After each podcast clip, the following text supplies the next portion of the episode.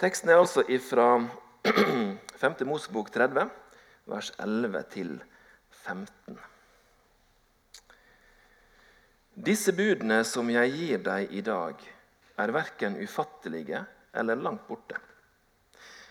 De er ikke i himmelen, så du må si 'Hvem vil fare opp til himmelen for oss og hente dem ned', så vi kan få høre dem og leve etter dem? De er heller ikke på den andre siden av havet, så du må si 'Hvem vil dra over havet for oss og hente dem', så vi kan høre dem og leve etter dem?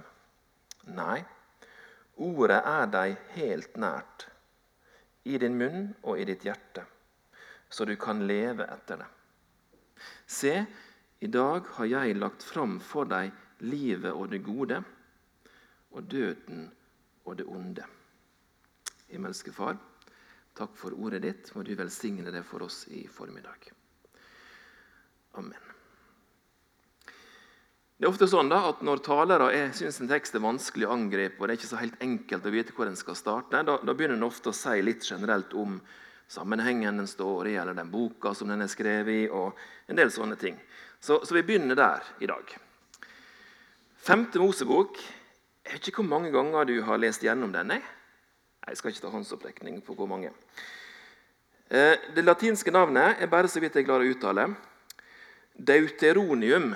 et eller annet sånt. Jeg kan ikke latinsk. Men det er altså det navnet som blir brukt om 5. Mosebok. Og Det betyr 'den andre lov'. Det høres ut som dere hører én lov først, og så kommer liksom lov nummer to i 5. Mosebok. Men sånn er det ikke. Det er ikke en ny lov Moses kommer med i 5. Mosebok. Men det er rett og slett en gjentagelse, en repetisjon av det som står om i de andre Mosebøkene. Husk at israelsfolket har gått 40 år i ørkenen. Det er 40 år siden de gikk ut fra Egypt. Og så skulle det egentlig bare være en snartur eh, til det lova landet, men det ble mye lenger av ulike grunner. Og hva skjer med et stort folk i løpet av 40 år? Jo, det blir født noen nye. Det er noen barn som vokser til å bli voksne. Det er altså en ny generasjon som har kommet til israelsfolket. Og de må jo også få opplæring i denne lova. Så det er nødvendig med repetisjon. Femte Mosebok det er egentlig Moses sitt testamente. Moses sin siste vilje. De er samla på østsida av Jordanelva, og det er like før folket skal gå over elva og innta løfteslandet. Og Så skal ikke Moses være med inn i landet. Han dør i Moabørken før de går inn i landet. Så det er på en måte Moses sine siste ord til israelsfolket. Det er ganske mange ord, da, så det er ikke en sånn kortfatta liten appell. Eh, forholdsvis lang tale. Og Det Moses starter med, det er da et historisk tilbakeblikk. Han ser på hva er det som har skjedd i løpet av disse åra. Hvordan har folket oppført seg? Hvordan har folket tatt imot Guds kjærlighet, Guds eh, omsorg? Hvordan har folket svart på det? Det står om avgudsdyrkelse, det står om svik, det står om nederlag.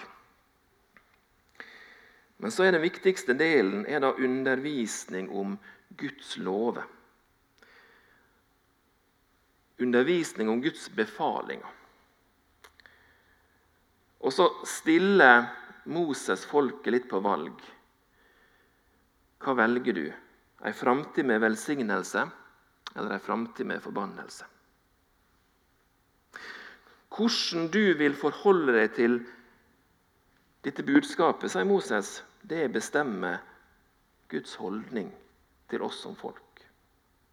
Hvis vi forholder oss til Guds lov og befalinger, ja, da vil Gud også ha omsorg for oss.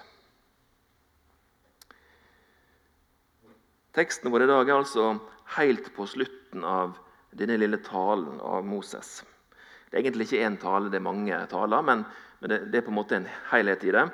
Ca. 30 kapittel med tale. Jeg skal ikke holde på så lenge i dag, men eh, det står mye der. Og Helt på slutten så sier altså eller helt mot slutten så sier altså Moses det som er i den teksten vi leste. I vers 11. Disse budene som jeg gir deg i dag, er verken ufattelige eller langt borte. Ordet 'i dag' er faktisk et stikkord i 5. Mosebok. Det er brukt ekstremt mange ganger i den boka. Eh, det står i dag eh, i perioder, nesten i hvert vers. står det i dag. Og Det er jo nettopp fordi at her er det en ny generasjon som skal få overlevert Guds lov. I dag starter noe nytt, og derfor er i dag viktig.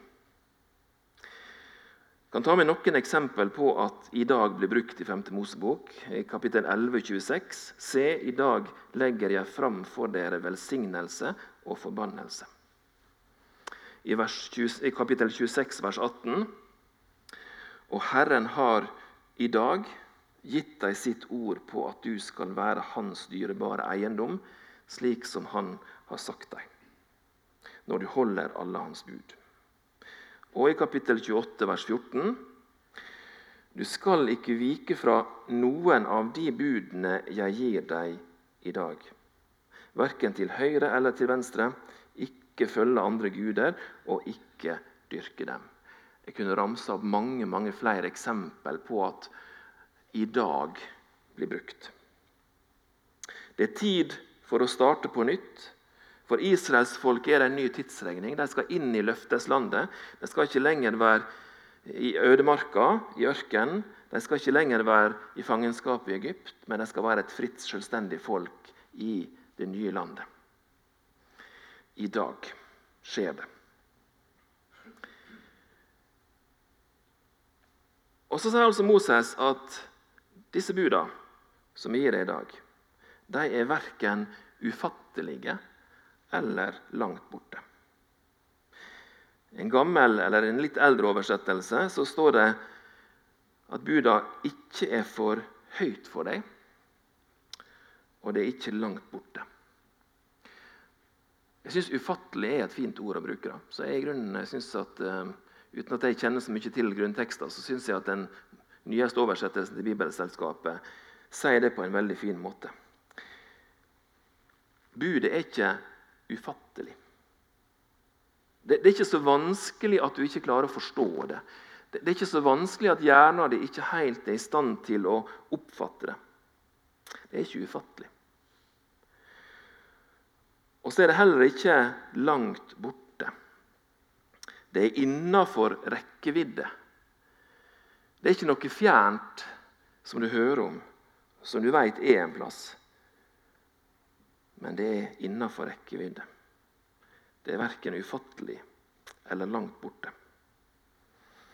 Og I 5. Mosebok 4,7 så står det Hvilket stort folk har vel en Gud som er like nær som Herren vår Gud er nær oss hver gang vi kaller på Han?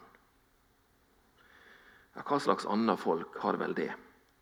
En Gud som ikke er ufattelig eller langt borte, men en Gud som er nær hver gang vi kaller på han. Og I Jesaja 49, 45, 19, så sier Gud, 'Jeg har ikke talt i det skjulte, et sted i det mørke land.' 'Jeg har ikke sagt til Jakobs ett, søk meg i det tomme.' 'Jeg, Herren, taler rettferd og forteller hva som er rett.' Guds forhold til israelsfolket, det, det som Gud har gjort og sagt til folket, det er ikke noe skjult noe som Gud driver med. Det er ikke sånn at han, han gir dem deler av, av, sannheten, og så skjuler han litt. Det er ikke sånn at det er gjemt vekk en plass, så de må, må se om de klarer å finne det. Nei. Guds vilje er tydelig kommunisert. Den er lett å forstå. Og den er fullt mulig å innrette livet sitt etter.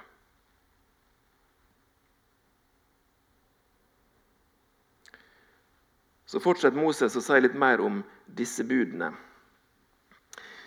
De er ikke i himmelen, så du må si Hvem vil fare opp til himmelen for å hente dem ned, så vi kan få høre dem og leve etter dem? De er heller ikke på den andre siden av havet, så du må si, hvem vil dra over havet for oss og hente dem, så vi kan høre dem og leve etter dem? Det er jo egentlig det samme som blir sagt her som i vers 11, sant? bare det blir sagt på en finere måte. På en ordtaklignende måte.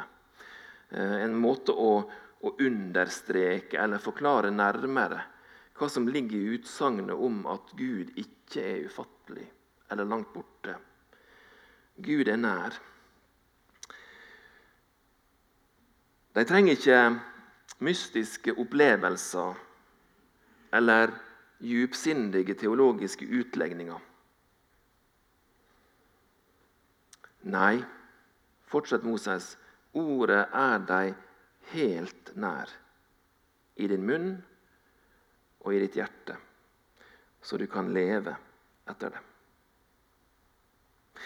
Det er en enorm kontrast som blir spent opp her. Sant? Du har himmelen, du har andre sider av havet.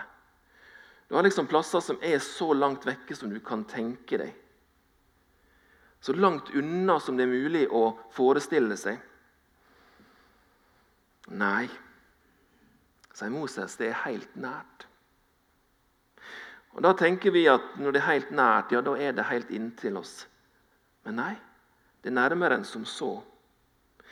Det er i din munn og i ditt hjerte. Det er ganske nært, det. Når det er så nært at du kan smake det, når det er så nært at du kjenner det, ikke bare på kroppen, men i kroppen, ja, da er det nært. Og Litt før den teksten vi leste, i kapittel 30, vers 6, så står det Herren din Gud skal omskjære ditt hjerte og dine etterkommeres hjerte. Så du elsker Herren din Gud av hele ditt hjerte og av hele din sjel, slik at du skal få leve.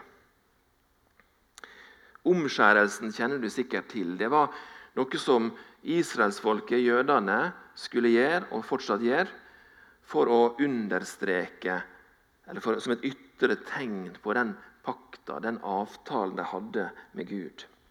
En fysisk handling for å vise lydighet til Gud, men også som et tegn på at jødene er Guds utvalgte folk. Men her i 5. Mosebok er det altså ikke snakk om et ytre tegn. Her er det snakk om å omskjære hjertet. Ja, det, det, må være billedlig talt. Sant? Det kan ikke være en fysisk handling. det. Det hadde ikke gått så bra. Hva er det Moses mener med det? Hva er det Gud mener? Jo, det er ikke snakk om at det gamle hjertet skal bli fiksa. Nei, det er et nytt hjerte. Et omskjært hjerte. Herren din Gud skal omskjære ditt hjerte, så du elsker Herren din Gud. En forandring inni oss, inni mennesket. Og Jeg sier oss, for her er ikke det bare snakk om jødene lenger.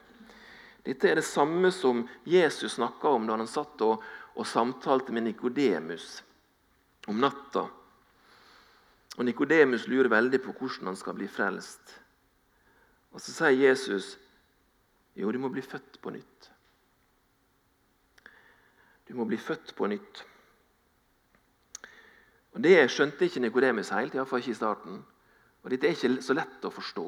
Men, men, det handler om å få noe nytt i sitt indre. Det handler om at det som jeg er inni meg, det som jeg er i meg sjøl, det blir bytta ut med Guds hjerte, med Guds tanker. Og så får jeg et nytt liv, og så blir jeg født på nytt. Ordet er det nær. Helt nær, så du kan leve etter det. En lydighet til Gud som svar på Guds kjærlighet.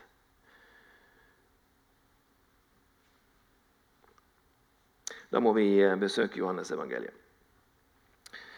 Eh, Johannes 7, 14-17. Det var alt midt i høytiden da Jesus gikk opp på tempelplassen og begynte å undervise. Jødene undret seg og sa, 'Hvordan kan han ha slik kunnskap, han som ikke har fått noen opplæring?' Jesus svarte, 'Min lære er ikke min, men kommer fra Han som har sendt meg.' Den som vil gjøre Hans vilje, skal skjønne om læren er av Gud, eller om jeg taler ut fra meg selv. Eller det siste verset der, vers 17, som jeg hadde lyst til å legge vekt på. Den som vil gjøre Hans vilje, skal skjønne om læren er av Gud, eller om jeg taler ut fra meg selv. Noen oversettelser så står det i stedet for at en skal skjønne, så står det at en skal kjenne. Det er litt det samme som ligger i det. Du skal merke det. Det er ikke, det er ikke basert på følelser. Nå For tida snakker folk veldig mye om følelser. Men her er det ikke snakk om følelser. Her er det snakk om å kjenne det, å merke det å skjønne det. Det er basert på opplevelser. Du kjenner det. Og I Johannes 3, 19-21 så står det Og dette er dommen. Lyset er kommet til verden, men menneskene elsket mørket høyere enn lyset, fordi deres gjerninger var onde. For den som gjør det onde, hater lyset og kommer ikke til lyset, for at hans gjerninger ikke skal bli avslørt. Men den som følger sannheten, kommer til lyset. Og det skal bli klart at hans gjerninger er gjort i Gud. Dommen er at lyset kommer. Dommen er at en oppdager sine egne gjerninger. Dommen er at gjerningene mine blir avslørt. Men så står det også om at den som følger sannheten, den har gjerninger som er gjort i Gud. Vi lutheraner har en tendens til å tenke at det, vi skal være veldig forsiktige. Så ikke vi snakker for mye om det å gjøre gode gjerninger, for da blir det plutselig gjerningskristendom. Og det er ikke bra. Men her er ikke det snakk om det. Her er ikke det snakk om at vi får til et kristenliv som, som Gud er fornøyd med. Ikke snakk om at vi blir syndfrie på noen slags måte. Men det er snakk om gjerninger gjort i Gud. Og Det må vi snakke om.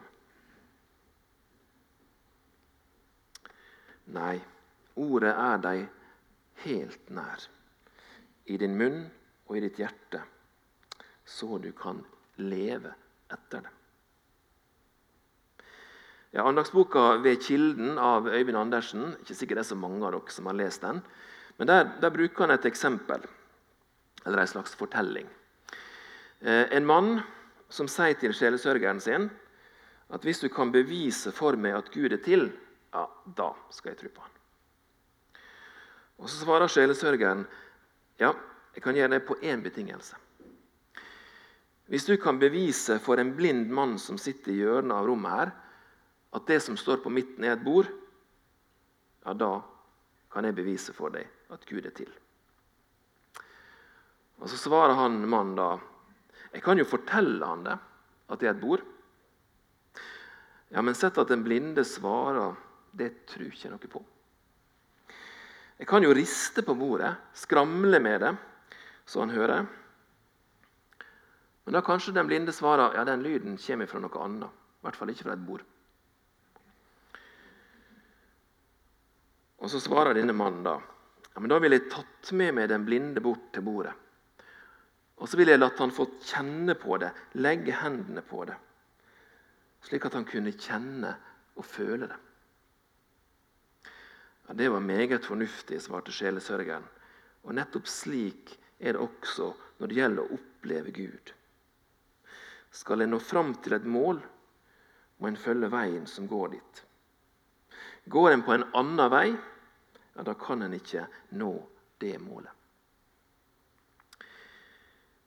Bibelens budskap er ikke ei teoretisk kristentru.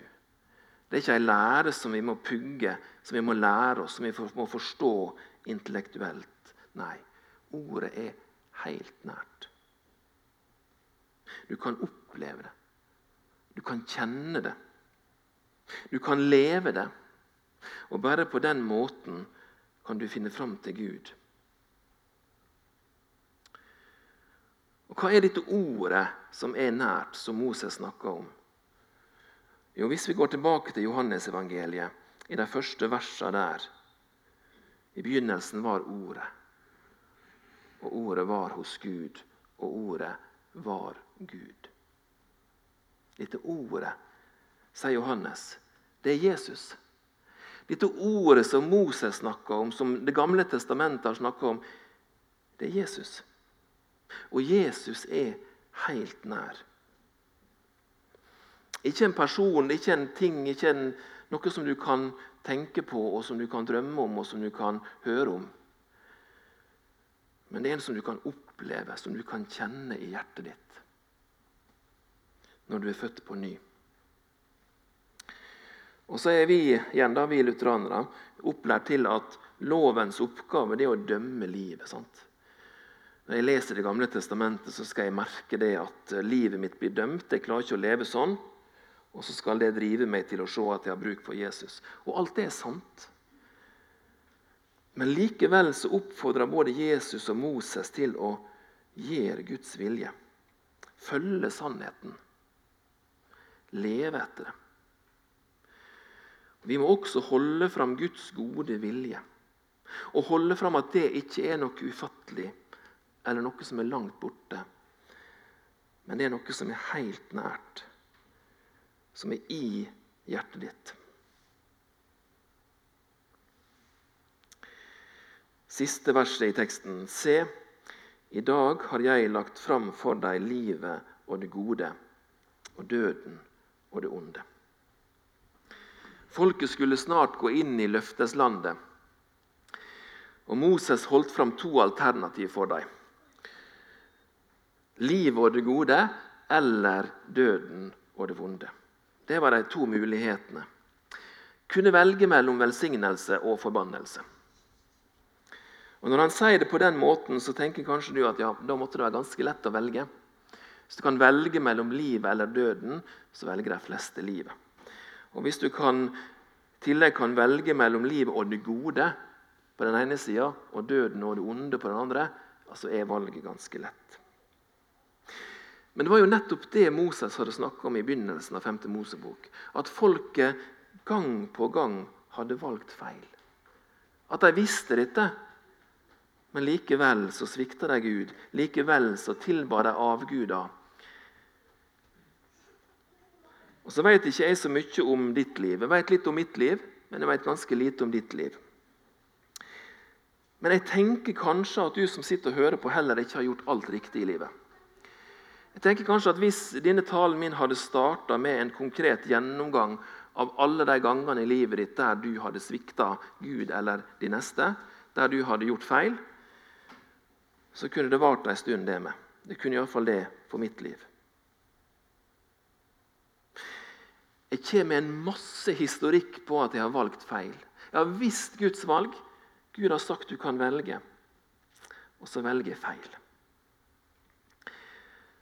Men heldigvis da, så kan Gud i dag legge fram for deg to alternativ. Livet og det gode, eller døden og det onde.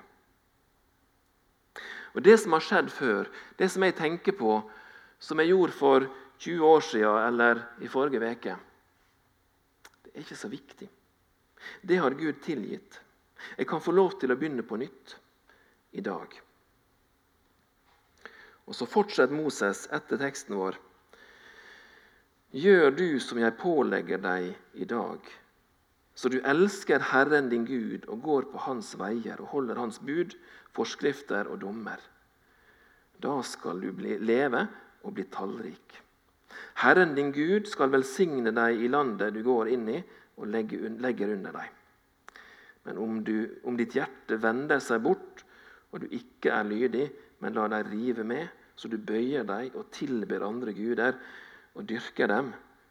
Da kunngjør jeg dere i dag at dere skal gå fullstendig til grunne.